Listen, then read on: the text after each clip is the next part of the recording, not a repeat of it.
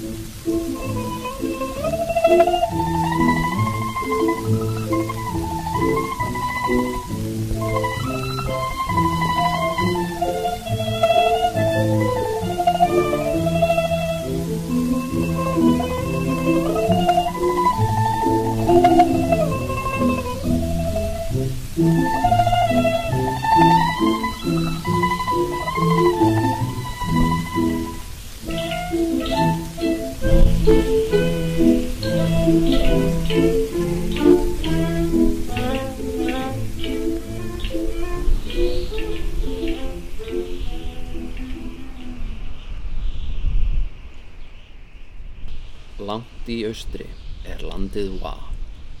Þess er eiga dvergana, enn lengra suður eiga naktafólksins og enn sunnar býr fólkið með svörtu tennurnar. Fólkið í Wa býr í fjöllóttu landi í miðju hafinu. Þeim er stýrt af konu, en einungis einn karl er leiður í höllennar. Hann færir henni mat og drikki, hann er þjóttn hennar og millileiður við heiminn, en höllin með ótal turnum háum virkisveggjum og varðliði sem stöðugt er á varðbergi. Kona þessi nefnist Himiko, við hyrð hennar eru þúsund konur, hún er galdranorn og stýrir landinu með því að leggja fólk sitt í álög. Áður stýrðu karlmenn þessu ríki en eftir mikil stríð og óöld stutti fólkið konu til valda.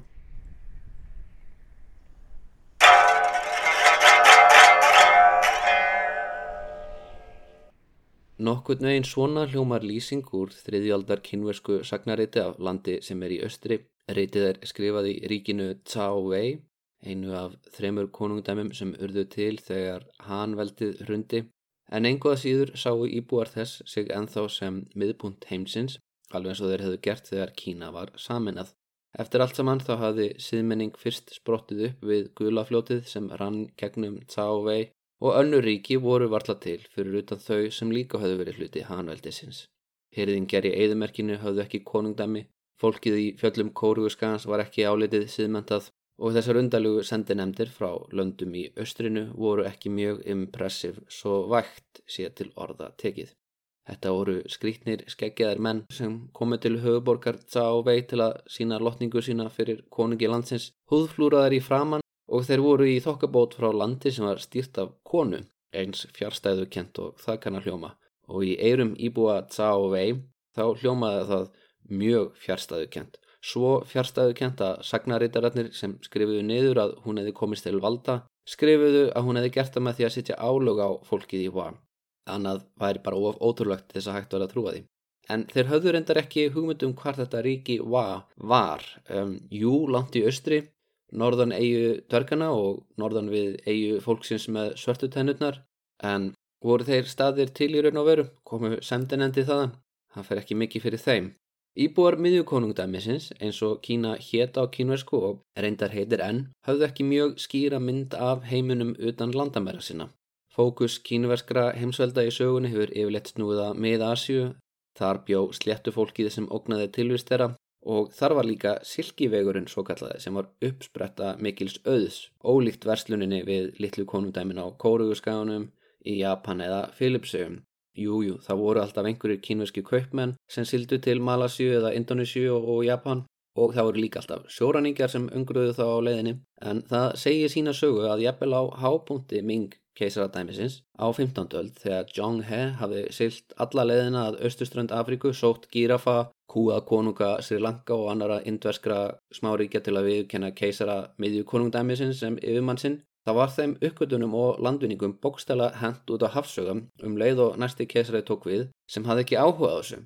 Áhugi keisara var mjög, mjög mikilvægur til þess að sinna þessum sjóhernaði af því að hann einfallega borgaði sér ekki. Verslun í, og landvinningar í söðurhöfum stóð ekki undir kostnaði og það þýttuði þetta ekki að keisarin myndi banna fólki að versla Það þýtti bara einfallega að hann myndi ekki nenn að halda úti herskipun til þess að venda þessi viðskipti og hann myndi ekki standi því að kortleggja þau sérstaklega. Það var miklu mikilvægir að senda allt tiltækt herlið í að venda landvegin vestur á bóin, svo Silki og Krydd kæmust yfir eðimerkur og auðnir Turkmenistan, fjallgarða Afganistans, sléttur Rúslands. Það var ekki oft í sögunni sem einhverjum einum tókst að drotni meirulita þessara mikilvægu verslunarleðar Einungis mongólunum tókst að drotna yfir öllum silkivegunum í einu og það er ástæða þess að ferðamenni svo Marco Polo og aðrir ídalir náðu að ferðast allar leiðina til Kína. Það gáttu rómverjar til dæmis ekki. Engin rómveri fór nokkuð tíman til Kína þó svo heimsveldin tvö hafi vitað af tilvist hvors annars. Og það nokkuð skondið rómverjar kölluðu Kína landið þaðan sem silkið kemur til hvers að flækja hlutina. Þetta er kannski álíka gáulagt samt og að kalla Bangladesh landið þar sem nærbuksurnar eru saumaðar saman eða Indonésiu landið þar sem börn setja saman strygarskó. Orðið Kína sjálf kemur frá Qin veldinu svo kallaða en eftir að Qin keisarin náði að samena Kína þá bárust þær fréttir eftir silkiveginum gegnum eðimerkina Taklamakan söður um fjalldali Afganistans og fjalldalir Afganistans geta líka verið mjög eh, seinfærir Til dæmis las ég um daginn grein þar sem ljósmyndari hafi farið ángað í eitt afskekt hér að þar í landi teki myndir og rætti bændur í gegnum tólk og borðið en þau tíðindi að búið var að semja frið í landinu og bændurnir hefði þá spurt hvort að það þýtti að rúsarnir væri á leðinu heim. Þið sjáu það sumstaðar byrjast fréttir mjög seng. Þannig að það er kannski ekki skrítið að indverjar hafi kallað landið norðan heimalagafjalla eftir kynveldinu þó það hafi ekki ennst nema 15 ár Þegar fréttir loks bárust um að sonur keisarans úr Qin hefði mist völdin í ríkinu, bænda uppreysnir hefði liðað það í sundur og á lókum hefði komið nýjætt til valda sem hefði nefnt sitt veldi Han veldið, þá hefði fólk verið svo vandi að tala um Qin að það tók því ekki að hægt upp úr þessu. En sem sagt þegar Evropabúar loksins komu til Indlands á 16. öld og fengu upplýsingar um landafræði Asíu frá þeim, þá heyrðuður um Kína eftir Qin-veldinu og auðvitað hafðu þeir vitað af Kína fyrir þá tíð og þá hafðu þeir kallaða Kathai eins og Marco Polo gerir en það er sérstaklega frá Indlandi sem við fáum China eða Kína og það er nefnt eftir veldi sem stóð í cirka 15 ár og hafði gert það fyrir þúsund árum síðan. En við köllum samt meiri hlutan af íbúum í Kína Han Kínverja. Það eru 90% af íbúum miðjukonungdæminsins eru Han kynverar sem er nefnt eftir þessu Hanveldi sem tók við að sinnveldinu og Hanveldið endist í alveg 300-400 ár. Nöfn geta skólast öðla til, lengi vel kölluðu kynverar eigaklassan í austri, eigaklassan sem við erum að ræða, Japan, Wa og Wa er ekkert sérstaklega næsnafn, yfirleitt uppnemdu kynverar nákvæmna þjóðu sínar Táknin sem þið nótuðu yfir aðrar þjóður voru tákn sem vísuðu í skortýr.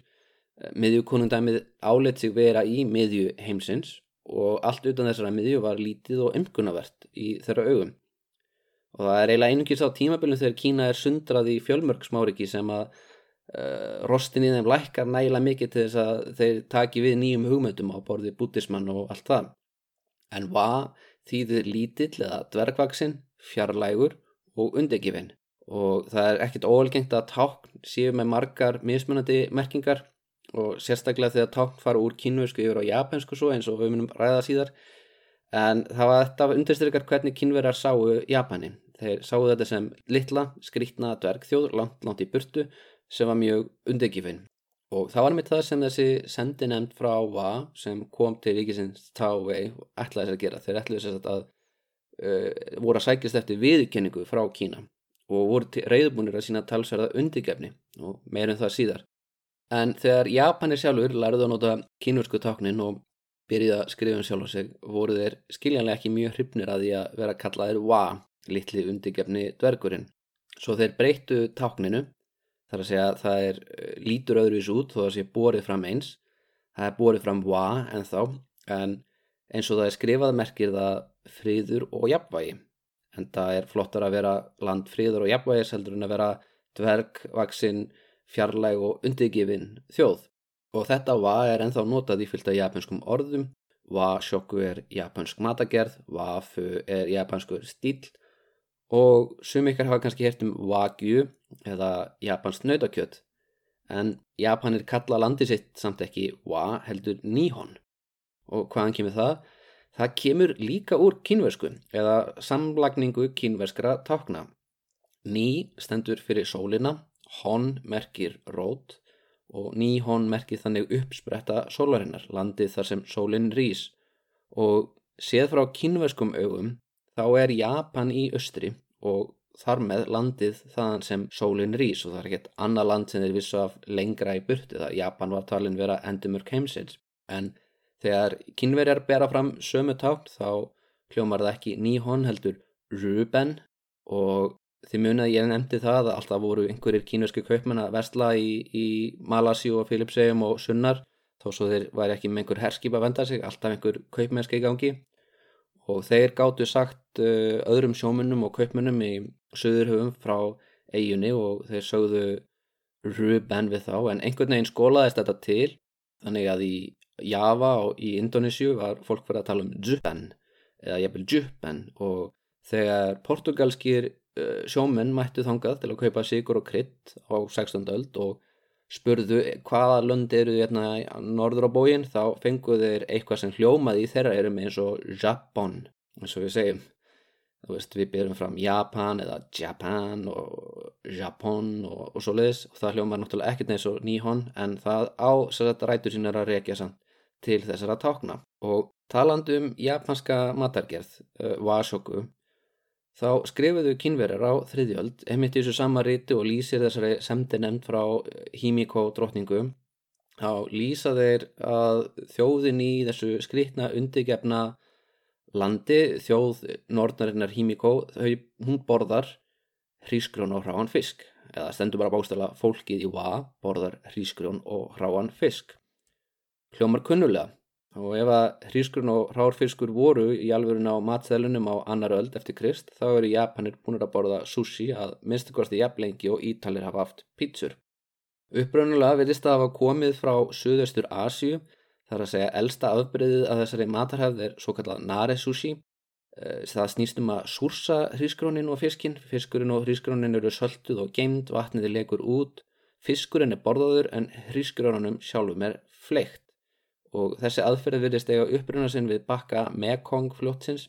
Það er fljótsins gerð sér í gegnum Suðu Vietnam, Laos og Thailand og barst þaðan til Kína og Kóri og Japans. En lofslag Japans uh, er ekki atna, jafn um, er ekki jafn heitt og rætt og við Mekong fljótið og þar að leiðandi hendar það ráum fisk aðeins betur. Og þannig að þessi matar gerð gæt þróast þar áfram Orðið sushi kemur reyndar fyrst fram á 8. öld í japanskum hrytum en á einhverjum tímapunkti þá hættu þeir að láta hrískrónin gerjast uh, mögulega bara vegna þess að það lyktar ítla og, og gerjaði matur getur náttúrulega verið erfiður en samt sem aður er nare sushi hefðin ennþá til í dag í Japan en uh, mjög algengar er þessi réttir sem við konum stuðið sem, sem gangi út úr það að sjóða hrískrónin, blanda með etiki og leggja ferskan hráanfisk ofan á Þannig var sushi borið fram á veitingastöðum á Edo tímabilinu, veitum við. Edo tímabilið er tímabilið millir árana 1600 til 1800 fyrir svona 300-400 árum síðan og ef þið færið á veitingastað í borginni Edo sem í dag er kvöldu Tókjóm þá hefðu þið geta fengið eitthvað í líkingu við það sushi sem þið borðið í dag í Reykjavík. En að vísu ekki með lags. Lags þótt ekki fiskur í Japan, ekki fyrir en norðmenn lögðu í mikla auglýsingaherferð á nýjunda áratöknum Þannig að maðurinn sem á heiðurinn á því að það er lags í nánast hverjum einasta sushi bakum allan heiminn. Það er ekki japanskur kokku frá 17. öld, heldur maður sem heitir Björn Erik Olsen og er held ég á ennþann dag í dag á lífi. Hann var sérstaklega fulltrúi norska sjáurútvegsins í Tókjó árið 1986 og þá var hann um tjáð að Japanir borðuð ekki ráan lags sem meikar algjörlega sens út af því að sko fljót í Japan eru full af lags og Hann er borðaður, steiktur og grillaður í hefðbundinni japanskri matseld.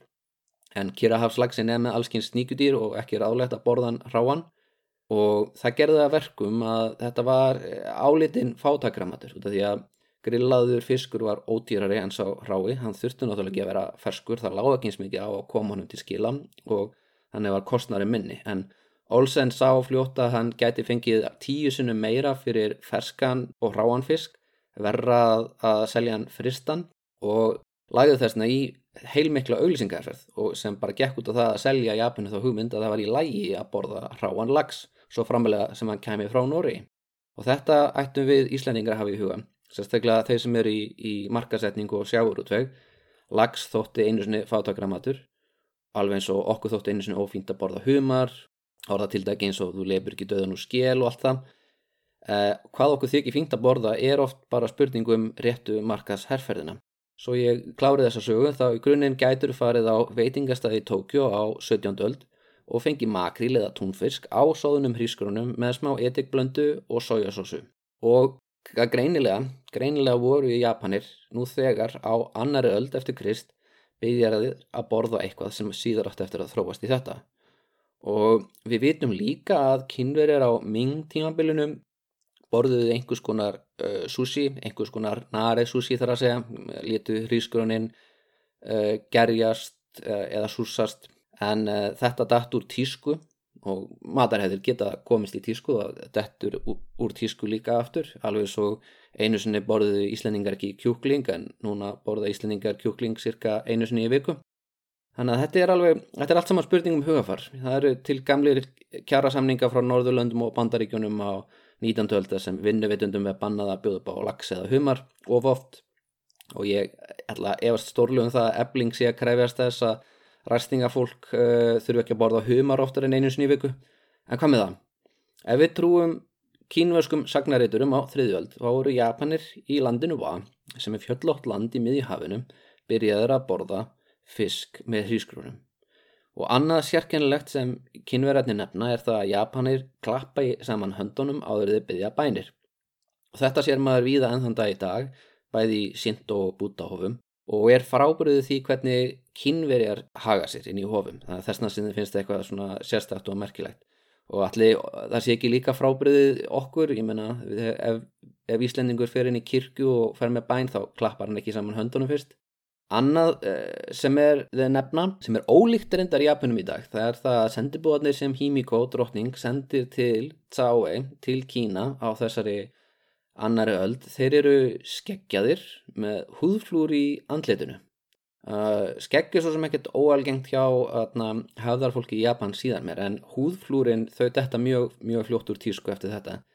Það er alveg rík hefð fyrir húðflúrum í sögu Japans, en það er líka ákveðu menningarlegt stigma það er til dæmis í baðhúsum viða skildi sem segja maður með ekki með fá afgreðslu eða þeir eru með tattu en það þykja húðflúr vísbendingum eh, tengingu við jakúsa og, og svo leiðis en eh, þetta er að hluta til konfúsísk áhrif. Í konfúsískri hefð þá er sambandið við foreldra heilagt og verðing fyrir þeim eldri mjög mikilvægt bóðorð og það þykir fátt meiri vannverðing við móðum hans en að breyta líkamannum sem hún gaf þér Svo þess vegna líta Confucius og lærisennar hans niður á Barbara sem húðflúra og breyta líkum sínum því að þeir eru raunin að segja því líkur hróki að þykist geta bætt eitthvað sem að fóröldramanns gáum manni. En af því að kynverjar til forna trúðu því að maður tæki líkamann með sér inn í hérna, eftirlífið, uh, það voru oft hluti af rafsingu að húðflúra glæbamenn, jafnvel eftir að þau voru döðir. Þannig að ef þú framtir einhvern hræðilegan glæb í Kína til forna gastu kannski verið afhauðaður og síðan kem ykkur og húðflúraði glæpin á þig að því þið töldu að með því það var þeir að merkja glæpamannin í framtíðinni. Þetta er svolítið skemmtileg hugmynd, þessi hugmynd um að ef þú tattúveraði í lífandi lífi þá verður það ennþá tattúveraður í himnaríki. En skrítnast af öllu í, í huga kynverina, skrítnar en að borða ráan fisk, skrítnar en að húðflúra sig, skrítnar en að klappa saman höndunum, það var að þetta voru sendimenn frá Hímiko drotningu. Það svo staðrind að Japan var stýrt af konu þóttu þeim svo ótrúlega undarlegt, svo undarlegt að þeir þurftu að skaldu upp að hún væri galdranort, hún hefði dálitt eða eitthvað álíka, sett áluga á fólkiðum og Konfúsius var mjög á móti því að, að konur væru við völd uh, og reyndar bara allir spekingar í sögu Kína andvið því. Það var eiginlega álitið náttúrulögmála að konur myndu hlýða kallmönnum og þar alvegandi hefur bara verið einn drottning einn keisareinja í sögu Kína og það er einn allræmda Wu Zetian en í sögu Japans, eh, sérstaklega fyrra áöldum áður en konfúsísk áhrif ná að festa rótum í Japan, það var fullt af kvenkins ráðamennum. Á suman tímabölum virðist að hafa frekar verið reglan en undantekning. Mún nefnilega komaði í eftir nokkara þætti tímaböluða sem þrjár drotningar í rauð stýra Japan. Svo það er ekkit, fyrir Japanunum er ekkit eðlilegra en að húðflúra sig í framann og hafa drottningum en nú reyku okkur á þá staðrind að Himiko, nortnaða drottningin svo kallaða, er ekki til í japanskum sögubókum. Það eru aðra drottningar e, í meiri sig á söpuðu tímabili nefndar til sögunar og það, er engin ástæð til að ætla það að, að, hún hafi verið strókuð út vegna e, þess að hún var kona af því að til dæmis fyrsta sakfræðaritið sem e, listar upp konungum og drottningum í sögu Japans er e, pantað af keisareinjunni Genmei og þar meiri segja eru afreg hvenna sérstaklega aðna fegruð og, og já, bara svona mikill áróðu fyrir því að kvennkins guðir séu merkilegir en þeir sem eru kallkins uh, og sem er náttúrulega bara mikilvægt. Ef þú ert drotning þá viltu náttúrulega að uh, það sé í sakfaraðiritunum að kvennmenn séu góðir stjórnendur. Þannig að við vitum það að Hímíko var ekkert þurkuð út úr sögunni fyrir það að vera kona en það er möguleiki á því að, að hún sé strókuð út úr sögunni að hún sé ekki að vera eitt um ættum. Það er að segja hennar valdaætt hafi verið í samkeppni við þær valdaættir sem síðar eruðu ofanám en í öllu falli þá vitum við að einhver hímíkó réði yfir einhverjum hluta Japans af því að kínverska konundæmið Tsávei þaðan sem þetta sagnaritt kemur sem ég er að vitni í uh, þau nefna að hún hafi fjórum sinnum sendt erindrika til Kína og keisarið Tsávei hafi viðkjönt hana sem undirsáta sinn og drottningu og þeir hæla hafinga ástæði til þess að ljúa að okkur þetta er ekki, ekki óvinnaríki Þetta er í rauninni bara svona minni háttar atvik sem þeim bara nefna í framhjólaupi. Þetta er ekki áráður. Það er eiginlega meira ástætt þess að vantresta þessu ríti þegar það kemur að einhverju um, þú veist, uh, hyrðingja þjóðurnar í, í vestri eða eitthvað svoleiðis eða aðra önnur kínversk konundæmi. En, en hvað þýðir það, þessi viðurkenninga Himiko sé drottning Japans? Uh, af hverju vill hún að keisarin af Tsao Wei viðurkenna að hún sé drottning Japans, hún þarf ekkert á því að halda þannig séð hún væri ekki að senda þessa sendinemnd nefn hún væri nú þegar drottning. Og Tsao Wei er ekki með neitt flota, þeir eru ekki á leiðinni að gera innrás, þeir í rauninni viti ekki eins og hvar hvað er, er það norðan við eigu dörgana, er það vestan við eigu naktafólksins, í rauninni fyrir þeim getur þetta alltaf verið austan sólar, sunnan mána eða eitthvað álika en Þetta er ekki óalgengt að svona smáríki sækist þetta viðkenningu frá kínuverskum konudæmum og til þess að skilja hversakna þurfum aðeins að ká honi diplomasíu Östur-Asíu til fornam. Miðjukonungdæmið áleitt engar aðra þjóður vera jafningja sína og var langt stærsti leikandin á sviðinu. Já, það er lengir aðri keppinautar sem hafa róð í kínuversku konungdæmin. Jafnvel þó Tsá Veis er bara eitt af þremur konungdæmum á þessum tímapunkti, þá er ríkið markvallt fjölmennar á stærra en Japan og það er líka miklu þróara. Fyrir ennari Tsahuvei, hann keisaradæmið, hafði klopnað öld áður og Kína átti að geta eftir að samænast aftur fyrir mörgum öldum síðar en norður hlutin sem Tsahuvei stýrði, stopnað af hersöðinginum Tsao Tsao, eh, það var eitt langstærsta og mikilvægsta brotið. Þetta er þarna sem sléttur með Asju, mæta gulafljótinu og kóruðurskáðunum og viðskipti í Japansu umheiminn fara mjög mikið eh, til í gegnum þetta ríki og Á þeim tímum þegar Kína var saminað og í sókn þá höfðu mörg konundæmi í Vietnám og Kóru átt að segja á því að það var einn öðveld leið til að losna við hugsanlega innrás. Þeir gáttu sendt erindrika til keisarhans, látið þau e, þá um að neyja sig og skriði eftir gólfi hallarsalarins og viðkjöna hans en drottnara alheimsins. Og svoleiðis orði eru ódýr og stundum þá bara dugar það að smjadra fyrir svona keisurum. Uh, til dæmis þá mestallasögu kóru þá kölluðu konunga skagan sig síni keisarhans og þeir áarbuðan sem föður í öllum brefum tókum móti láttsettum embætismönnum frá Kína og leiðu þeim að sjá um gríningaratumina þeir í rauninni þáðu titla sína frá öðrum embætismönnum líkt og þeir væru embætismenn en ekki konungar en fyrir vikið þá losnuðu ríki eins og kóri að við innrás þau gáttu stýrt sér sjálfum að mestu leiti og þetta Olli svolítum rugglingi á 19. öld þegar evróski landkonuður spurðu kóruubúa hvort þeir varu hluti af Kína eða sjálfstætt ríki af því þeir fengu engin skýr svör að þeirra mati. Já og nei, við erum með konunga, jújú, að konungarnir þeir erfa að tilla sína frá föðu sínum og það verður alltaf verið þannig, langt aftur í aldir. En já, já, þegar nýr konungur tekur við þá sendir keisarni í Kína embætismann sinn sem staðfestir að þetta sé konungurinn, aðfendur honum embætisbref og svona og, og hvað, greiðið þið Kína skatta? Nei, nei, við, en við skiptumst á gjöfum, stundum gefum við þeim meira, stundum gefa þeir okkur meira, gilda kínvesk lög. Já, stundum. Þetta er svolítið rugglingslegt, en ég ætla að gera nútímalega samanburð bara svo við áttum okkur betur á þessu. Segjum sem svo að sömu landkunniðið kemur til Íslands í byrjun 2001. aldar og þeir myndur spyrja sömu spurninga. þeir myndu spyrja er Ísland sjálfstætt ríki? Og við myndum segja já já. Og þeir myndu spyrja gilda sem er lög í Evrópu og á Íslandi. Og við myndum í rauninu verða að segja stundum. Stundum getur Evrósku domstóll eins og mannréttindi domstóllin úrskurðað um íslensk mál. Áttjafnvel loka svarið og við erum svo sannlega ekki sjálfstæð þegar það kemur að því að, að hafa hér, við erum með samning við bandaríkin og mikilvægasti parturinn sannlega af þessu er, eru viðskipti. Við erum ekki algjörlega fullvaldaríki en við höfum valum það hversu mikið að fullvaldu okkar við framseljum og við vitum það þá að alveg svo kóruðbúarnir á 19. vissu að við höfum sjálfstæði ef við vildum en við getum framselt hlutaði fyrir starri hagsmunni. Kína er á þessum tíma stærsti markaður í heimi Þannig að þið getur ímyndað ykkur eh, hversu mikil svirði viðskipti við Kína skiptu kóru máli og í rauninni jafnvel ennþá meira máli hafa þessi viðskipti skipt fyrir lítið vanþróða smáriki á bronsaldastígi á þriðjöld eftir Krist. Eh, þannig að þegar Hímíkó sendir fjóra sendinetti til Kína og leifir þeim að bukta sig fyrir keisararnum og viðurkenna hann sem mestan og bestan og klárastu öllum og bara í rauninni grátt byggja hann um að kenna barburunum um að hjálpa þeim að verða síðmentaðir auðvitað álita Japanetti sig nú þegar vera síðmentaða en þeir vilja geta kæft silki, þeir vilja geta kæft járnvó þeir vilja fá sérfræðinga frá meilandinu til að hjálpa til við að byggja virki, hof, hallir þeir vilja fá lækna og þeir vilja fá góða smiði. Og ef verðmiðin er sá að viðkynna að Va sé minniháta ríki og að Kína sé aðalríkið þá eiginlega bara svolítið verður að hafa það. Og við höfum annað mjög aðteglisvert dæmi um svona samskipti millir Japans og Kína á eh, nokkrum öldum áður.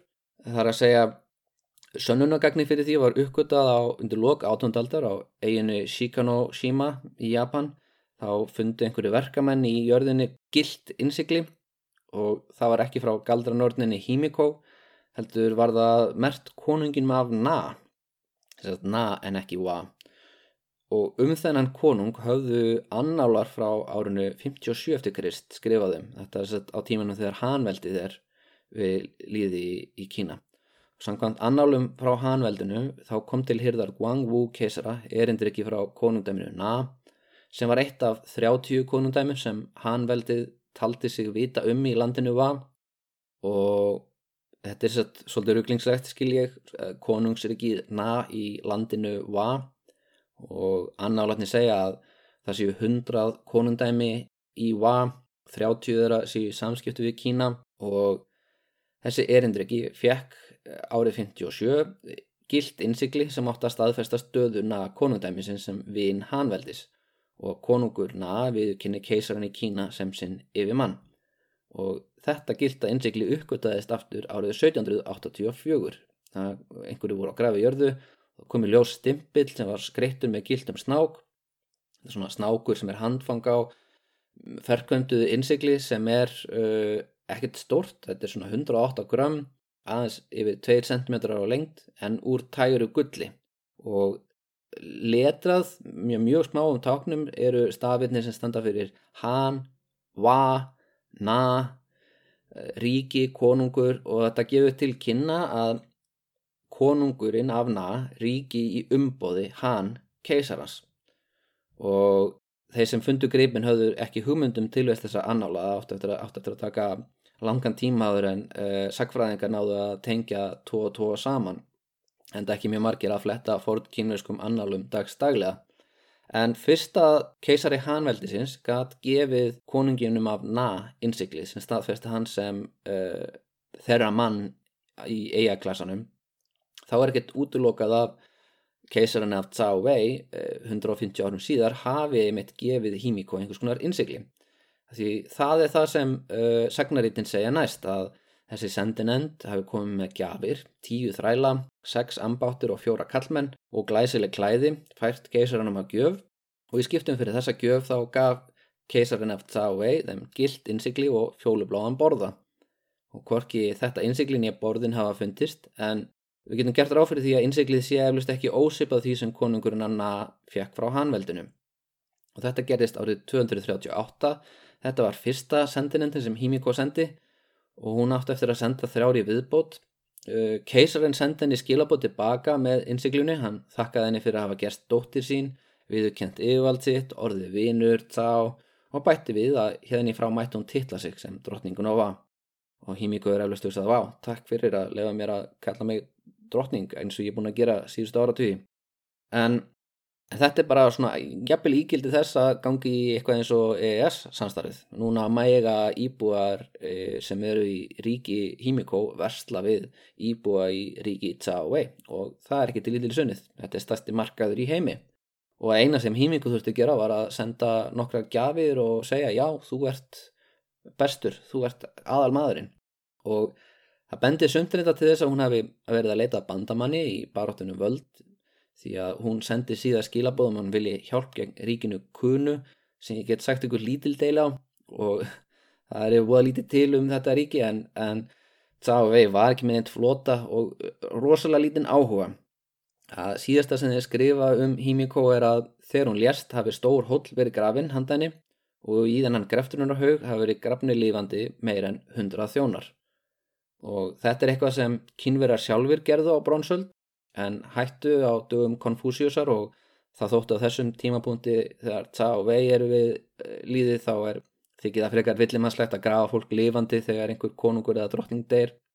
En samkvæmt sagnaritum sem Japanir sjálfur skrifuðu svo nokkrum aldum síðar þá eh, stunduðu Japanið að grafa fólk lifandi með konungum, drottningum og ymsum höfðingum og samkvæmt sagnaritinu Nihongi skrifaði 720 þá eh, uppliði Suinin keisari það að fylgjast með því þegar þjónarbróður hans voru grafni lifandi og hann heyrði í marga daga öskur upp úr jörðinni frá þessum veslingsstrælum og ákvaða í hérðan í fráskildi enginn vera grafin lifandi. Og í staðin lítið hann gera leirstittur eftirmyndir af þjónustufólki sem kongafólk gæti tekið með sér í grafísið í staðin fyrir raunverulega manneskjur. Og við höfum frá Kofún tímabilunum uh, sem er um það leiti sem Hímjókó sendir þessa sendinemnd og, og næstu hundru árin eftir það þá eru ótal hólar og, og haugar reistir, ja, yfir hundra þúsund með þess að og Í þessum greftunarhaugum eru ótal leirstittur uh, sem líki eftir þjónustu fólki, herliði, herstum og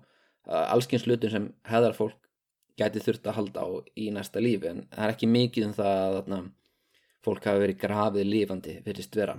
En Sakvrangri Tsawei skrif ekki mikið meira um ríki Himiko. Eftir andlátennar náði kallmaður völdum í landinu nefnaðir en það hefði lett til mikill að blóðsúttellinga og fólkið í landinu hafa vorið þreytt á þessum kallmanni og neitað að hlýðanum og að lokum hafið það fundið unga 13 ára stúlku, Frænku Hímíkó og gert hana drottningu sinni og allir lifðu hamingisamlega eftir það eða svo er okkur svona að gefa það skilja að um leið og Íó, Frænka Hímíkó teku við þá hafi komist aftur á friður í landinu. Já, ég trúi þessu ágætla þar að segja vegna þess að kínversku rítin hafa mm, fáar ástæður til að ljúa að okkur en auðvitað getur margt skólast til sérstaklega nöfn eins og ég er búin að nefna áður. Þá getur Nihon orðuða Zuben og jafnvel Japan bara í, eh, eftir því sem það fer í gegnum fleiri viðtakandur þannig að þú veist kannski er ástæðan fyrir því að við finnum enga hímikó í sagnaritum Japana kannski bara uh, frambörðurinn kannski eru við ekki að bera taknin rétt fram. Þetta eru jú atna, eins og þetta var skrifað þá þá eh, var þetta borið fram á allt öðruvísi máta heldur en í dag. En þó svo skilningur kynveri á eiga klassunum síðan takmarkaður þá munir þeir hafa gríðarlega áhrif á fólkið á honum Japanir munir læra allt um kynvera þeir munir herma eftir öllu þeir munir tilenga sér kynverska siði eh, kynverskan klæðaburð og bara svona svipað og Íslendingar á 20. öld fara að klæðast gallabugsum og tyggja tyggigúmi þannig er það bara litlar þjóður á, á eigum líki eftir stórum þjóðum á meginlandi en eins og á allt takk fyrir hlustunina